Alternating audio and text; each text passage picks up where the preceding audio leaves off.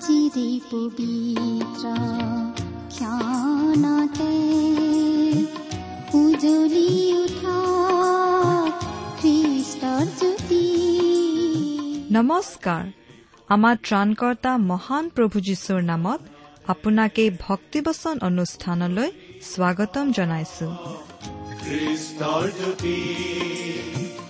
আকাশ বতাহ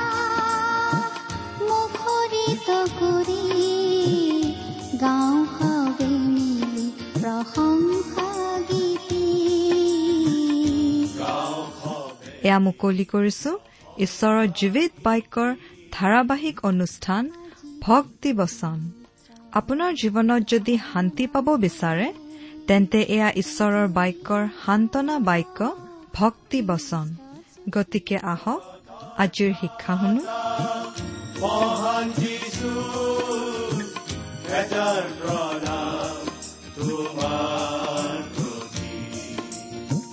গ্ৰহণ কৰাই ভক্তি বচন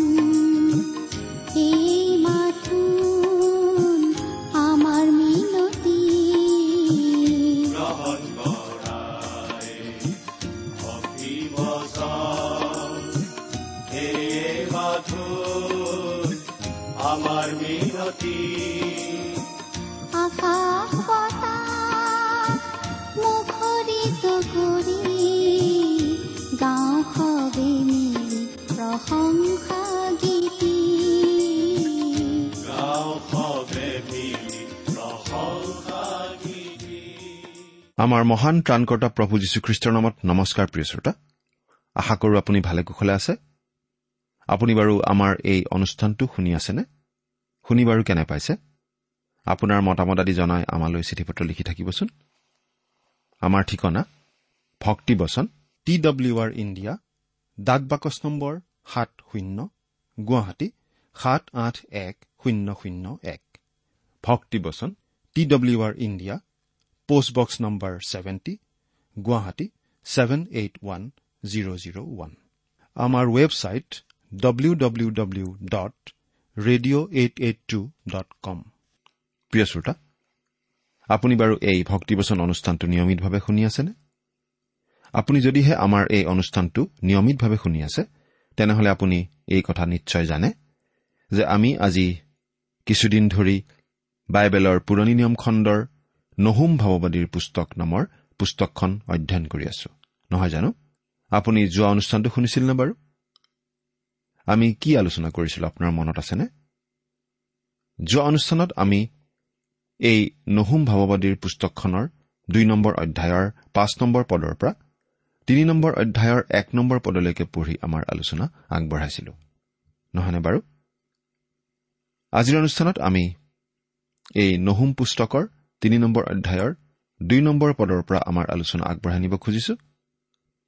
এই নহুম পুস্তকখন হৈছে এখন ভাৱবাণীমূলক পুস্তক। ভৱিষ্যতে ঘটিবলগীয়া কথা কিছুমান ইয়াত জনাই দিয়া হৈছে আৰু সেইবোৰ আখৰে আখৰে ফলিব বুলি আমি ইতিমধ্যে গম পাইছো আৰু সেই বিষয়ে আলোচনা কৰি আছো। যদিও এই ভাৱবাণীবিলাক ইতিমধ্যে ফলিয়ালে ইয়াৰ যোগেদি আজিও আমাৰ শিকিবলগীয়া অনেক কথা আছে। আহক আমি বাইবেল অধ্যয়নৰ পিনে আগবাঢ়ো। আপুনি আপোনাৰ লগত বাইবেলখন মেলি লৈছেনে বাৰু? আহক এতিয়া সদায় কৰি অহাৰ নিচিনাকৈ ছুটিকৈ প্ৰাৰ্থনা কৰোঁ। হে আমাৰ স্বৰ্গত থকা মহান পিতৃ ঈশ্বৰ প্ৰথমতে তোমাক ধন্যবাদ দিওঁ। কাৰণ তুমি আমাক আকৌ এটা নতুন দিন দেখিবলৈ দিছা। তোমাৰ মহান বাক্য বাইবেল শাস্ত্ৰ অধ্যয়ন কৰিবলৈ তুমি আমাক আকৌ এটা সুযোগ দান কৰিছা। প্ৰভু তোমাৰ এই বাক্যৰ নিগৃঢ় তত্ত্ব বুজাই দিয়াৰ ক্ষমতা আমাৰ নাই। সেই সামৰ্থ্য আমাৰ নাই। তোমাৰ বাক্য তুমিয়েই আমাক বুজাই দিয়া। আমাৰ প্ৰয়োজন অনুসাৰে তুমিয়েই আমাৰ প্ৰত্যেককে কথা কোৱা। আমাৰ মৰমৰ শ্ৰোতাসকলক তোমাৰ স্পষ্ট মাত শুনিবলৈ দিয়া। আমাৰ শ্ৰোতাসকলৰ জীৱনত তোমাৰ অনুগ্ৰহৰ আশীৰ্বাদ প্ৰকাশ পাই উঠিবলৈ দিয়া। তোমাৰ উপস্থিতি তেওঁলোকক অনুভৱ কৰিবলৈ দিয়া। এই অনুষ্ঠানৰ আৰম্ভণিৰ পৰা শেষলৈকে তুমি আমাক পৰিচালিত কৰা। কিয়নো এই প্ৰাৰ্থনা আমাৰ পাপৰ প্ৰায়চিত্ৰ কৰিবলৈ ক্ৰুচত প্ৰাণ দিয়া। তৃতীয় দিনা পুনৰ জি উঠি এতিয়া স্বৰ্গত আমাৰ বাবে নিবেদন কৰি থকা মৃত্যুঞ্জয় প্ৰভু যীশুখ্ৰীষ্টৰ নামত আগবঢ়াইছো। আমেন।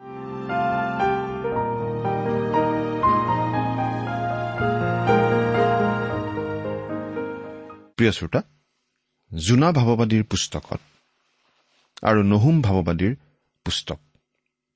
এই দুখন পুস্তকত আমি গম পাওঁ যে ঈশ্বৰে অনাজিহুদী বা পৰজাতীয় লোক বা জাতিবোৰৰ ক্ষেত্ৰতো কাৰ্য কৰে। অৱশ্যে আন পুস্তকতো পাওঁ। কিন্তু এই দুখন পুস্তকৰ কথা আমি একেলগে কৈছো কাৰণ এই দুখন পুস্তকৰ মাজত এটা বিশেষ সম্বন্ধ আছে। আমি এই কথাটো জানিব পাৰোঁ। যে ঈশ্বৰে অনাজিহুদী বা পৰজাতীয় লোক বা জাতিবোৰৰ ক্ষেত্ৰতো কাৰ্য কৰে। আৰু তেওঁ পুৰণি নিয়মৰ দিনতেই তেনেকুৱা কাৰ্য কৰি দেখুৱাইছিল। লগতে আমি এই কথাও দেখা পাওঁ যে মানুহৰ শাসন কাৰ্যত ঈশ্বৰৰ শাসন ব্যৱস্থাই হস্তক্ষেপ কৰে। ঈশ্বৰ নীৰৱ দৰ্শক নহয়। ঈশ্বৰে আজি মানুহৰ পাপপূৰ্ণ কাৰ্যবোৰৰ প্ৰভাৱ নেওচিও কাম কৰিব পাৰে আৰু কৰে। আমি যদি ইতিহাসৰ মাজেৰে বাট বুলি আহোঁ তেনেহলে এটাৰ পাছত এটাকৈ ডাঙৰ ডাঙৰ সভ্যতাবিলাক ধ্বংস হৈ ধূলিৰ লগত মিলি যোৱা আমি দেখিবলৈ পাওঁ। কিয় বাৰু? কাৰণ ঈশ্বৰে সেই ডাঙৰ ডাঙৰ সভ্যতাবিলাকৰ সোধ বিচাৰ কৰিলে। সেই জাতিবিলাকক ঈশ্বৰে শাস্তি বিহিলে। আমি মনত ৰখা উচিত যে আমি কোনো দেশেই আচলতে ঈশ্বৰৰ চকুৰ মণি নহয়। আমি কোনোৱেই বিশেষ লোক বা জাতি নহয়। আমি নিজকে উন্নত শক্তিশালী জাতি বুলি হয়তো ভাবি থাকিব পাৰোঁ। আমি এনেকুৱা এটা নিৰাপত্তাৰ মনোভাৱ লৈ জীয়াই থাকিব পাৰোঁ যি নিৰাপত্তা আচলতে ভুৱা নিৰাপত্তাও হ'ব পাৰে।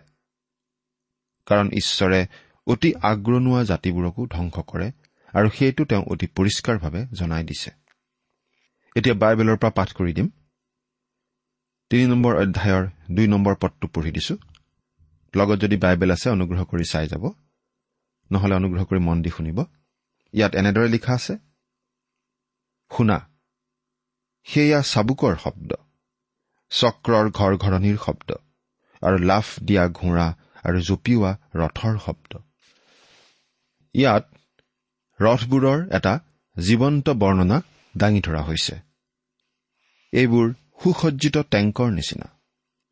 সেইবোৰ আছিল তেতিয়াৰ দিনৰ টেংক। আৰু সেইবিলাক নগৰৰ ভিতৰ সোমাই অহাৰ লগে লগে শুনিবলৈ পোৱা গৈছিল চাবুকৰ শব্দ। ৰথৰ চালকে ঘোঁৰা চাবুকেৰে কোবোৱাৰ শব্দ। চকাৰ ঘৰ ঘৰ শব্দ। আৰু লাফ দিয়া ঘোঁৰা আৰু জঁপিওৱা ৰথৰ শব্দ শুনিবলৈ পোৱা গৈছিল। ৰথবোৰ সকলোৰে ওপৰেৰে জঁপিয়াই ফুৰিছিল বিশেষকৈ মৰাশবোৰৰ ওপৰেৰে।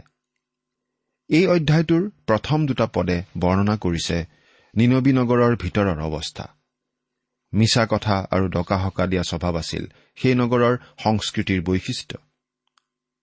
এইকাৰণেই তেওঁলোকে বাহিৰতো শত্ৰুবোৰৰ ক্ষেত্ৰতো একে ব্যৱহাৰ কৰিছিল। নিষ্ঠুৰতা আন জাতিৰ প্ৰতি সহানুভূতিহীনতা আনৰ ওপৰত প্ৰভুত্ব চলাব বিচৰা আদি আছিল তেওঁলোকৰ স্বভাৱ। তেওঁলোকৰ সেই কাৰ্যপ্ৰণালীৰ আচল কাৰণটো এয়ে আছিল যে ভিতৰি ভিতৰি তেওঁলোকৰ ভুল হৈ আছিল। আমি বুজি পোৱা উচিত যে মানুহে পাপ কৰ্ম কৰে আৰু সেইবাবে মানুহ পাপী নহয়। কিন্তু মানুহ স্বভাৱতেই পাপী আৰু সেইকাৰণেহে মানুহে পাপ কৰ্ম কৰে। আচলতে আভ্যন্তৰীণভাৱে মানুহ পাপী। আৰু সেই স্বভাৱটোৰ বাবেই মানুহে বিভিন্ন ধৰণৰ পাপ কৰ্মবিলাক কৰি ফুৰে। সেই পাপ স্বভাৱটোৱেই মানুহৰ কাম কাজৰ কাৰণ। সেই সময়ত মানুহবোৰে নিশ্চয় অসুৰীয়াবিলাকৰ বিষয়ে কৈছিল। এই মানুহবিলাক অসভ্য। নগৰৰ ভিতৰখন মিছা কথা আৰু ডকাইতিৰে পৰিপূৰ্ণ। কিন্তু আজি আমাৰ সমাজৰ অৱস্থা বাৰু কি? আমি বাৰু অধিক সভ্য কাৰণে আমাৰ অৱস্থা ভাল নেকি? নাই। আজিৰ অৱস্থা ভাল নহয় কাৰণ আমি সকলো স্বভাৱতে পাপী। হয় প্ৰিয় শ্ৰোতা। সকলো মানুহ স্বভাৱতে পাপী তিনি নম্বৰ পদ। চোৱা সৌৱা আক্ৰমণকাৰী অশ্বাৰোহী চিকমিকোৱা তৰোৱাল জিলিকা বৰ্ষা হত হোৱা লোকসমূহ আৰু মৃতদেহৰ বৃহৎ ৰাশি মৰা শৰ সীমাই নাই সিহঁতৰ শৱৰ ওপৰত মানুহে উজুতি খায়।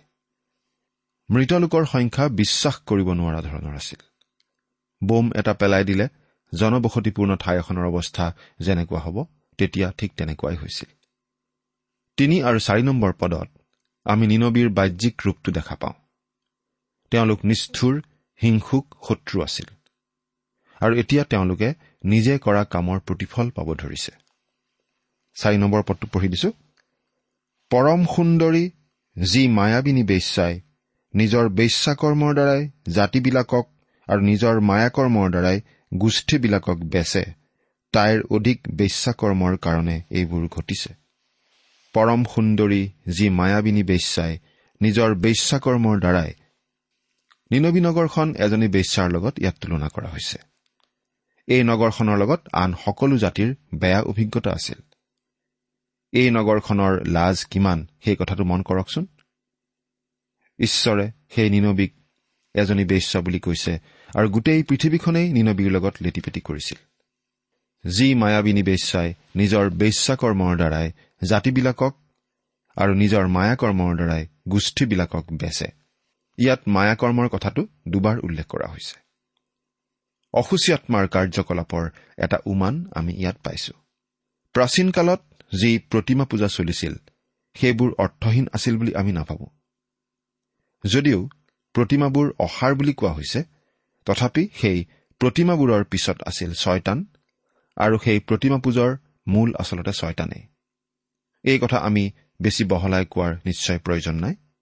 আজি ছয়তানৰ কাৰ্যকলাপে এনেধৰণৰ বিভিন্ন ৰূপত আত্মপ্ৰকাশ কৰি আছে পৃথিৱীৰ চাৰিওফালে। মানুহবোৰ আজি অধিক অধিককৈ বিভিন্ন মায়া কাৰ্য আদিৰ প্ৰতি আকৰ্ষিত হ'ব ধৰিছে। আজি অনেক সংখ্যক লোকে ভৱিষ্যৎবাণী থকা কিতাপবিলাক কিনে আৰু সেইবোৰ মানি চলিব খোজে। আজি বহুতো মানুহে গাত কিবা কিবি পিন্ধে কিবা কিবি ওলোমাই লয়। শুভ লক্ষণ আহিব বুলি ভাবে। আজিৰ এই বস্তুবাদী যুগ আৰু সংস্কৃতিত এইবোৰ দিনে দিনে বাঢ়ি যাব ধৰিছে। মানুহ সেইবোৰ দিনৰ পৰা পাৰ হৈ অহা নাই। মানুহ আকৌ উভতিহে গৈছে সেইবোৰ দিনলৈ এই বুলিহে আমি ক'ব পাৰোঁ। আৰু সেই নিনবী মহানগৰখনো এনে মায়াকৰ্ম আদিৰ মাজত ব্যস্ত হৈ পৰিছিল। গতিকে ঈশ্বৰে কৈছে যে এই নগৰখনক শাস্তি দিয়াটো তেওঁৰ বাবে ন্যায়সংগত কাম। কাৰণ এই নগৰখনে মায়া কৰ্ম আৰু নানা দেৱ দেৱীৰ সেৱা পূজাত লিপ্ত আছিল। প্ৰকাশিত বাক্য পুস্তকত আমাক কোৱা হৈছে যে যেতিয়া এই যুগৰ শেষ আহি উপস্থিত হ'ব তেতিয়া আনুষ্ঠানিক খ্ৰীষ্টীয় মণ্ডলী এগৰাকী বেশ্যাৰ নিচিনা হ'ব আৰু এনেধৰণৰ কামত লিপ্ত হ'ব। আনকি এতিয়াই আমি তেনেধৰণৰ গতি এটা দেখা পাব ধৰিছো। আজি এইটো এটা ভয়াৱহ কথা হৈ পৰিছে। আনকি পৰভাষাৰে কথা কোৱা যি আলোড়ন এটা চলিব ধৰিছে তাতো বিপদৰ সম্ভাৱনা আছে। কাৰণ প্ৰকৃত খ্ৰীষ্টীয় বিশ্বাসীৰ নিচিনাকৈ ছয়তানৰ কাৰ্যকলাপত লিপ্ত থকা কিছুমান মানুহেও এনেদৰে অদ্ভুত ভাষাৰে কথা কোৱা আমি দেখিবলৈ পাওঁ। প্ৰিয় শ্ৰোতা আমি এটা কথা সদায় মনত ৰখা উচিত। কোনো এটা বস্তুত বা কাৰ্যত অলৌকিকতা থাকিলেই সেইটো শাস্ত্ৰসন্মত নহবও পাৰে। কোনো এটা অলৌকিক কাৰ্য দেখিলেই সেইটো ঈশ্বৰে কৰা কাৰ্য বুলি আমি ধৰি ল'ব নালাগে। আমি তেনে যিকোনো বিষয় বা কাৰ্য শাস্ত্ৰসন্মত হয় নে নহয় ভালদৰে পৰীক্ষা কৰি চাব লাগে। যদি অলৌকিক কিন্তু শাস্ত্ৰসন্মত নহয় তেন্তে সেইটো ঈশ্বৰৰ পৰা হোৱা বিষয় বা কাৰ্য নিশ্চয় নহয়। আৰু যদি ঈশ্বৰৰ পৰা নহয় তেন্তে তেনেকুৱা অলৌকিক কাৰ্যৰ সৈতে জড়িত আন এজনেই থাকিব পাৰে। সেইজন হৈছে ছয়তান। ছয়তানে যিমান পাৰে সকলো ধৰণে ঈশ্বৰক নকল কৰিবলৈ চেষ্টা কৰি থাকে। ঈশ্বৰে আমাক কাৰণ দৰ্শাইছে। কিয় তেওঁ নিনবী নগৰৰ সুধবিচাৰ কৰিব লগা হ'ল? সেই নগৰ ধ্বংস কৰা কাৰ্য যে তেওঁৰ বাবে ন্যায়সংগত তাৰ যুক্তি তেওঁ দিছে। এতিয়া তেওঁ এটা গুৰুত্বপূৰ্ণ মন্তব্য কৰিছে। পাঁচ নম্বৰ পদ। বাহিনীবিলাকৰ জিহুৱাই কৈছে চোৱা মই তোমাৰ বিপক্ষ। মই তোমাৰ কাপোৰৰ আঁচল তোমাৰ মুখৰ ওপৰলৈকে দাঙি তোমাক অনাবৃতা কৰিম। মই জাতিবিলাকক তোমাৰ বিবস্ত্ৰতা আৰু ৰাজ্যবোৰক তোমাৰ লাজ দেখুৱাম। চোৱা মই তোমাৰ বিপক্ষ। এয়া ঈশ্বৰে নিনবী নগৰক দ্বিতীয়বাৰ এনেদৰে কৈছে। ঈশ্বৰে জিহিচকেল পুস্তকৰ আঠত্ৰিশ আৰু ঊনচল্লিছ নম্বৰ অধ্যায়ত গোগ আৰু মাগুগকো এই বুলি কৈছে। আৰু গোগ আৰু মাগুগ মানে বৰ্তমান কালৰ এখন অতিশয় শক্তিশালী দেশক বুজোৱা হৈছে। ঈশ্বৰে নিজকে গোগ আৰু মাগুগৰ বিপক্ষ বুলি কৈছে। ওচৰীয়াবিলাকৰ বিৰুদ্ধে ঈশ্বৰে কৈছিল মই তোমালোকৰ বিপক্ষ। তেওঁলোক নাস্তিক কাৰণে নহয় কিন্তু তেওঁলোকে নানান দেৱ দেৱীৰ সেৱা পূজা কৰাৰ কাৰণেহে ওচৰীয়াবিলাকে প্ৰতিমা পূজা কৰিছিল আৰু সেইবোৰৰ মূলতে আছিল ছয়তান। মায়াকৰ্ম। আজি মানুহৰ বাবে এই মায়াকৰ্ম আচহুৱা বস্তু হৈ থকা নাই। এইবোৰত কিবা কিবি বাস্তৱতা আছে বুলি মানুহে বুজি পাইছে। আৰু সমাজৰ অতি উচ্চ শ্ৰেণীৰ লোকবিলাকেও মায়াবিদ্যা গণকৰ বিদ্যা আদিৰ আশ্ৰয় ল'ব ধৰিছে। মানুহে নিজৰ ভৱিষ্যতৰ কথা জানিব বিচাৰে। কিন্তু এনেধৰণৰ মায়াকৰ্ম আদিত অতিপাত ব্যস্ত থকা নিনবী নগৰক ঈশ্বৰে এই বুলি কৈছিল মই তোমাৰ বিপক্ষ। মই তোমাৰ কাপোৰৰ আচল তোমাৰ মুখৰ ওপৰলৈকে দাঙি তোমাক অনাবৃতা কৰিম। আজি আমাৰ সমাজখনত কাপোৰ কানি কমকৈ পিন্ধাটো এটা গ্ৰহণযোগ্য কথাৰ নিচিনা হৈ পৰিছে। মানুহে দেখাত ভদ্ৰ হৈ অভদ্ৰ অভদ্ৰ বিষয়বোৰ আজিকালি আলোচনা কৰে কোনো সংকোচ নোহোৱাকৈ। বিভিন্ন ধৰণৰ কলা সংস্কৃতিত আজি যৌন বিষয়ক কথাৰ পয়োভৰ আমি দেখিবলৈ পাওঁ। সেই ওচৰীয়া সভ্যতা অতি অধঃপতিত হৈছিল কিন্তু আমাৰ আজিৰ নিচিনা অধঃপতিত নহয়। সেই ওচৰীয়াবিলাকে কিন্তু মানুহৰ উদং শৰীৰ প্ৰদৰ্শন নকৰিছিল। সেই ধৰণৰ প্ৰথা তেওঁলোকৰ মাজত নাছিল। মহিলাসকলক উদং শৰীৰেৰে দেখুওৱাটো মহিলাগৰাকীৰ বাবে অপমানস্বৰূপ আছিল। গতিকে ইয়াত আচলতে ঈশ্বৰে নিনবী নগৰবাসীলৈ কি অপমান আনিব সেইটো কথা জনাই দিছে। ঈশ্বৰে কৈছে মই তোমাৰ কাপোৰ দাঙি তোমাক অনাবৃতা কৰিম। তুমি এগৰাকী বেশ্যাৰ দৰে চলি আহিছা। আৰু তোমাৰ সকলো কৃতকৰ্মৰ বিশদ বৰ্ণনা মই আনৰ আগত কৰিম। সেইটো তেওঁলোকৰ কাৰণে নিশ্চয় অতি অপমানজনক কথা আছিল। মই জাতিবিলাকক তোমাৰ বিবস্ত্ৰতা আৰু ৰাজ্যবোৰক তোমাৰ লাজ দেখুৱাম। এই ওচৰীয়া জাতিটোৰ প্ৰতি ঈশ্বৰে এনেকুৱা ধৰণৰ ব্যৱহাৰ কৰিম বুলিয়েই কৈছিল। আৰু ঈশ্বৰৰ পৰা তেনেকুৱা ধৰণৰ ব্যৱহাৰ পোৱাটো তেওঁলোকৰ প্ৰাপ্য আছিল তেওঁলোকৰ কৃতকৰ্মৰ কাৰণে। প্ৰিয় শ্ৰোতা সেই ওচৰীয়া সাম্ৰাজ্য ধ্বংস হৈছিল। এখন অতি শক্তিশালী অতি উন্নত সভ্যতা। ইয়াৰ সকলো সা সম্পদ আৰু ক্ষমতাৰে সৈতে একেবাৰে ধূলিৰ লগত মিলি গৈছিল। সেই সভ্যতা সেই জাতি আৰু কেতিয়াও উত্থিত হ'ব পৰা নাই। আৰু তেওঁলোকৰ ঠিক তেনেকুৱা অৱস্থা কৰিম বুলিয়েই ঈশ্বৰে কৈছিল। ঈশ্বৰৰ সেই কথা আখৰে আখৰে ফলিয়াইছিল এতিয়া ছয় নম্বৰ পদটো পঢ়ি দিওঁ। ইয়াত এনেদৰে লিখা আছে আৰু মই তোমাৰ ওপৰত ঘীনলগীয়া ময়লা বস্তু পেলাই তোমাক ঘৃণনীয়া কৰিম।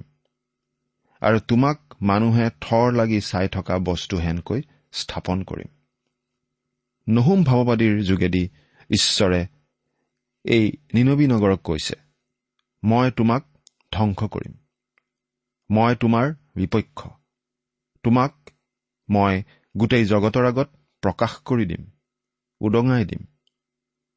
আৰু তোমাৰ আচল স্বৰূপটো মই সকলোকে জনাই দিম। প্ৰিয় শ্ৰোতা খনন কাৰ্যৰ যোগেদি আৱিষ্কৃত হোৱা এই নিনবী নগৰৰ ভগ্ন অৱশেষে ঈশ্বৰৰ কথাবোৰ আখৰে আখৰে ফলিওৱাটো প্ৰমাণ কৰিছে। নহুম ভাৱবাদীৰ পুস্তকখন অতি স্পষ্টভাৱে দিয়া ভাৱবাণীৰ পুস্তক আৰু এই ঘটনা ঘটাৰ বহু বছৰ আগতেই সেই ভাৱবাণীবোৰ দিয়া হৈছিল। নহুম ভাৱবাদীৰ যোগেদি ঈশ্বৰে যিবিলাক কথা জনাই দিছিল সেইবোৰ আখৰে আখৰে ফলিওৱা বুলি আজি প্ৰমাণ হৈছে। এইটো বাৰু আচৰিত কথা নহয়নে? ইয়াত যিমানবোৰ বিৱৰণ দিয়া হ'ল আমি সেইবোৰ ওপৰে ওপৰে চাই পাৰ হৈ যাব খোজা নাই। কাৰণ এই কথাখিনিৰ আজি যথেষ্ট ব্যৱহাৰিক প্ৰয়োগ আছে আমাৰ বাবে। নহুম ভাৱবাদীৰ পুস্তকখনে জগতৰ জাতিসমূহৰ ক্ষেত্ৰত ঈশ্বৰে কি পদ্ধতিৰে কাৰ্য কৰে সেই কথা প্ৰকাশ কৰে। সেই পদ্ধতি তেওঁ কেতিয়াও সলনি কৰা নাই। আৰু যদিহে তেওঁ সেই পদ্ধতি সলনি কৰা নাই তেনেহলে আজি আমাৰো বিপদ আছে। আজি আমাৰ জাতিৰ বাবে দেশৰ বাবে আমি প্ৰাৰ্থনা জনোৱা উচিত। নিনবী নগৰখনক ঈশ্বৰে এজনী বেশ্যা বুলি কৈছে আৰু সেই নগৰৰ সকলো কুকৰ্ম ঘীনলগীয়া অৱস্থা তেওঁ উদঙাই দিম বুলি কৈছে আৰু সেই দেশ সেই সভ্যতা তেওঁ চৰণীয়া পথাৰস্বৰূপ কৰি গোটেই পৃথিৱীৰ আগত এটা উদাহৰণৰ নিচিনা কৰিব বুলি কৈছিল। সেই বিখ্যাত ওচৰীয়া সভ্যতাৰ শেষ অৱস্থা এয়েই হৈছিল। এতিয়া সাত নম্বৰ পদটো পঢ়ি দিম। আৰু যিকোনোৱে তোমালৈ চাব তেওঁ তোমাৰ পৰা পলাব। আৰু নিনবী উচ্ছন্ন হল বুলি কব। কোনে তাইৰ নিমিত্তে বিলাপ কৰিব? মই ক'ৰ পৰা তোমাৰ নিমিত্তে সান্তনা দিওঁতা লোক বিচাৰি আনিম? অৰ্থাৎ ঈশ্বৰে ইয়াত এনেদৰে কৈছে এই নিনবী নগৰখনৰ কাৰণে দুখ প্ৰকাশ কৰিবলৈনো মই কত মানুহ বিচাৰি পাম? এই নগৰখন ধ্বংস হোৱা কাৰণে কোনেও এই নগৰখনৰ কাৰণে দুখ প্ৰকাশ নকৰিব। কোনো মানুহেও উচুপি নাকান্দিব। তাত সুখ প্ৰকাশ কৰোতা কোনো নাথাকিব। এইটো নিশ্চয় অতি দুখ লগা অৱস্থা সঁচাকৈ অতি দুখজনক। কোনো মানুহৰ মৃত্যু হলে তেওঁৰ সোঁৱৰণত যেতিয়া প্ৰাৰ্থনা গীৰ্জাৰ আয়োজন কৰা হয় তেতিয়া যদি এজনো মানুহ নাহে কেনেকুৱা দুখ লগা অৱস্থা হ'ব কল্পনা কৰি চাওকচোন। ঈশ্বৰে কৈছে নিনবী নগৰৰ মৃত্যুটো শোক কৰোতা কোনো নাথাকিব। নহুমে এই বুলিহে ভৱিষ্যৎবাণী কৰিছে যে সেইদিনা সেই বাতৰি পাই গোটেই পৃথিৱীয়ে হৰ্ষোল্লাসে কৰিব। আৰু সঁচাকৈয়ে তেওঁলোকে আনন্দ কৰিছিল। প্ৰিয় শ্ৰোতা ঈশ্বৰে নহুমক যেতিয়া এইখিনি কথা কৈছিল এই কথা কোনেও বিশ্বাস নকৰিলেহেঁতেন যদিহে ঈশ্বৰত বিশ্বাস কৰি সেই কথা বিশ্বাসেৰে গ্ৰহণ নকৰে। কিন্তু ঈশ্বৰে যেনেদৰে কৈছিল তেনেদৰেই সকলো ঘটিছিল। ঈশ্বৰে যি কৰিম বুলি কয় তাক আখৰে আখৰে পালন কৰে। এই কথা আমি বাৰু মনত ৰাখি চলিছোনে? চিন্তা কৰি চাওকচোন। ঈশ্বৰে আপোনাক আশীৰ্বাদ কৰক। আহমেদ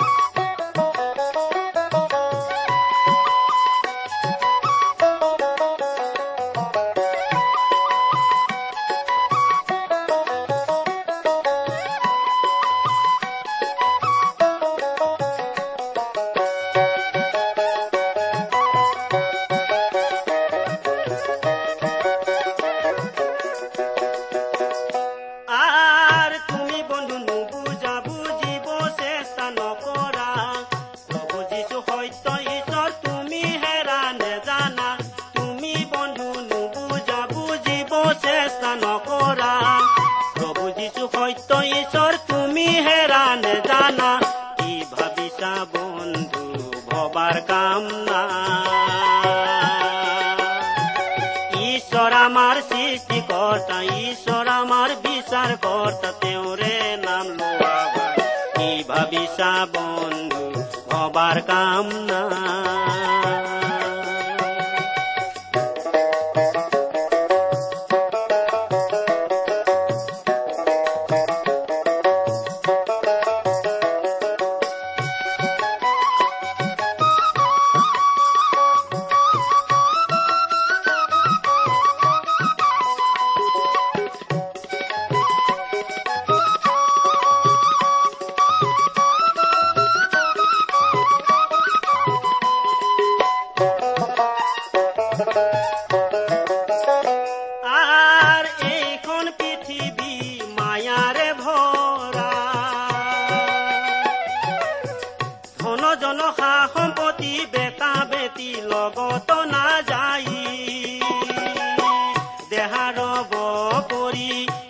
যাব চলি। লোৱা বন্ধু তুমি যিচুৰে নাম। দেহাৰ কৰি জীৱ যাব চলি। লোৱা বন্ধু ইমান পৰে আপুনি ভক্তিবচন অনুষ্ঠানটি শুনিলে। এই বিষয়ে আপোনাৰ মতামত জানিবলৈ পালে আমি নথৈ আনন্দিত হ'ম। আমি প্ৰস্তুত কৰা বাইবেল অধ্যয়নৰ আন চিডিসমূহ পাব বিচাৰিলেও আমালৈ লিখক। অনুষ্ঠানটি শুনি কেনে পালে? আমালৈ চিঠি লিখি জনাবচোন। অনুষ্ঠানত প্ৰচাৰ কৰা কোনো কথা বুজিব লগা থাকিলেও আমালৈ লিখক। আমাৰ ঠিকনা? ভক্তিবচন ট্ৰান্স ৱৰ্ল্ড ৰেডিঅ' ইণ্ডিয়া। ডাক বাকচ নম্বৰ সাত শূন্য গুৱাহাটী সাত আঠ এক শূন্য শূন্য এক। ঠিকনাটো আৰু এবাৰ কৈছো। ভক্তিবচন ট্ৰান্স ৱৰ্ল্ড ৰেডিঅ' ইণ্ডিয়া। ডাক বাকচ নম্বৰ সাত শূন্য গুৱাহাটী সাত আঠ এক শূন্য শূন্য এক আমাৰ ইমেইল এড্ৰেছটো হৈছে S M T T B at the rate radio' eight eight two dot com আমাৰ website W W W dot T W R dot in আপুনি টেলিফোনৰ মাধ্যমেৰেও আমাক যোগাযোগ কৰিব পাৰে আমাৰ টেলিফোন নম্বৰটো হৈছে শূন্য তিনি ছয় এক দুই ছয় শূন্য চাৰি ছয় সাত এক। ফোন নম্বৰটো আকৌ এবাৰ কৈছো zero' three six one two six zero' four six seven one. আজিৰ অনুষ্ঠানটি ইমানতে সামৰিছো। ঈশ্বৰৰ শান্তি আৰু অনুগ্ৰহ আপোনাৰ লগত থাকক। ধন্যবাদ।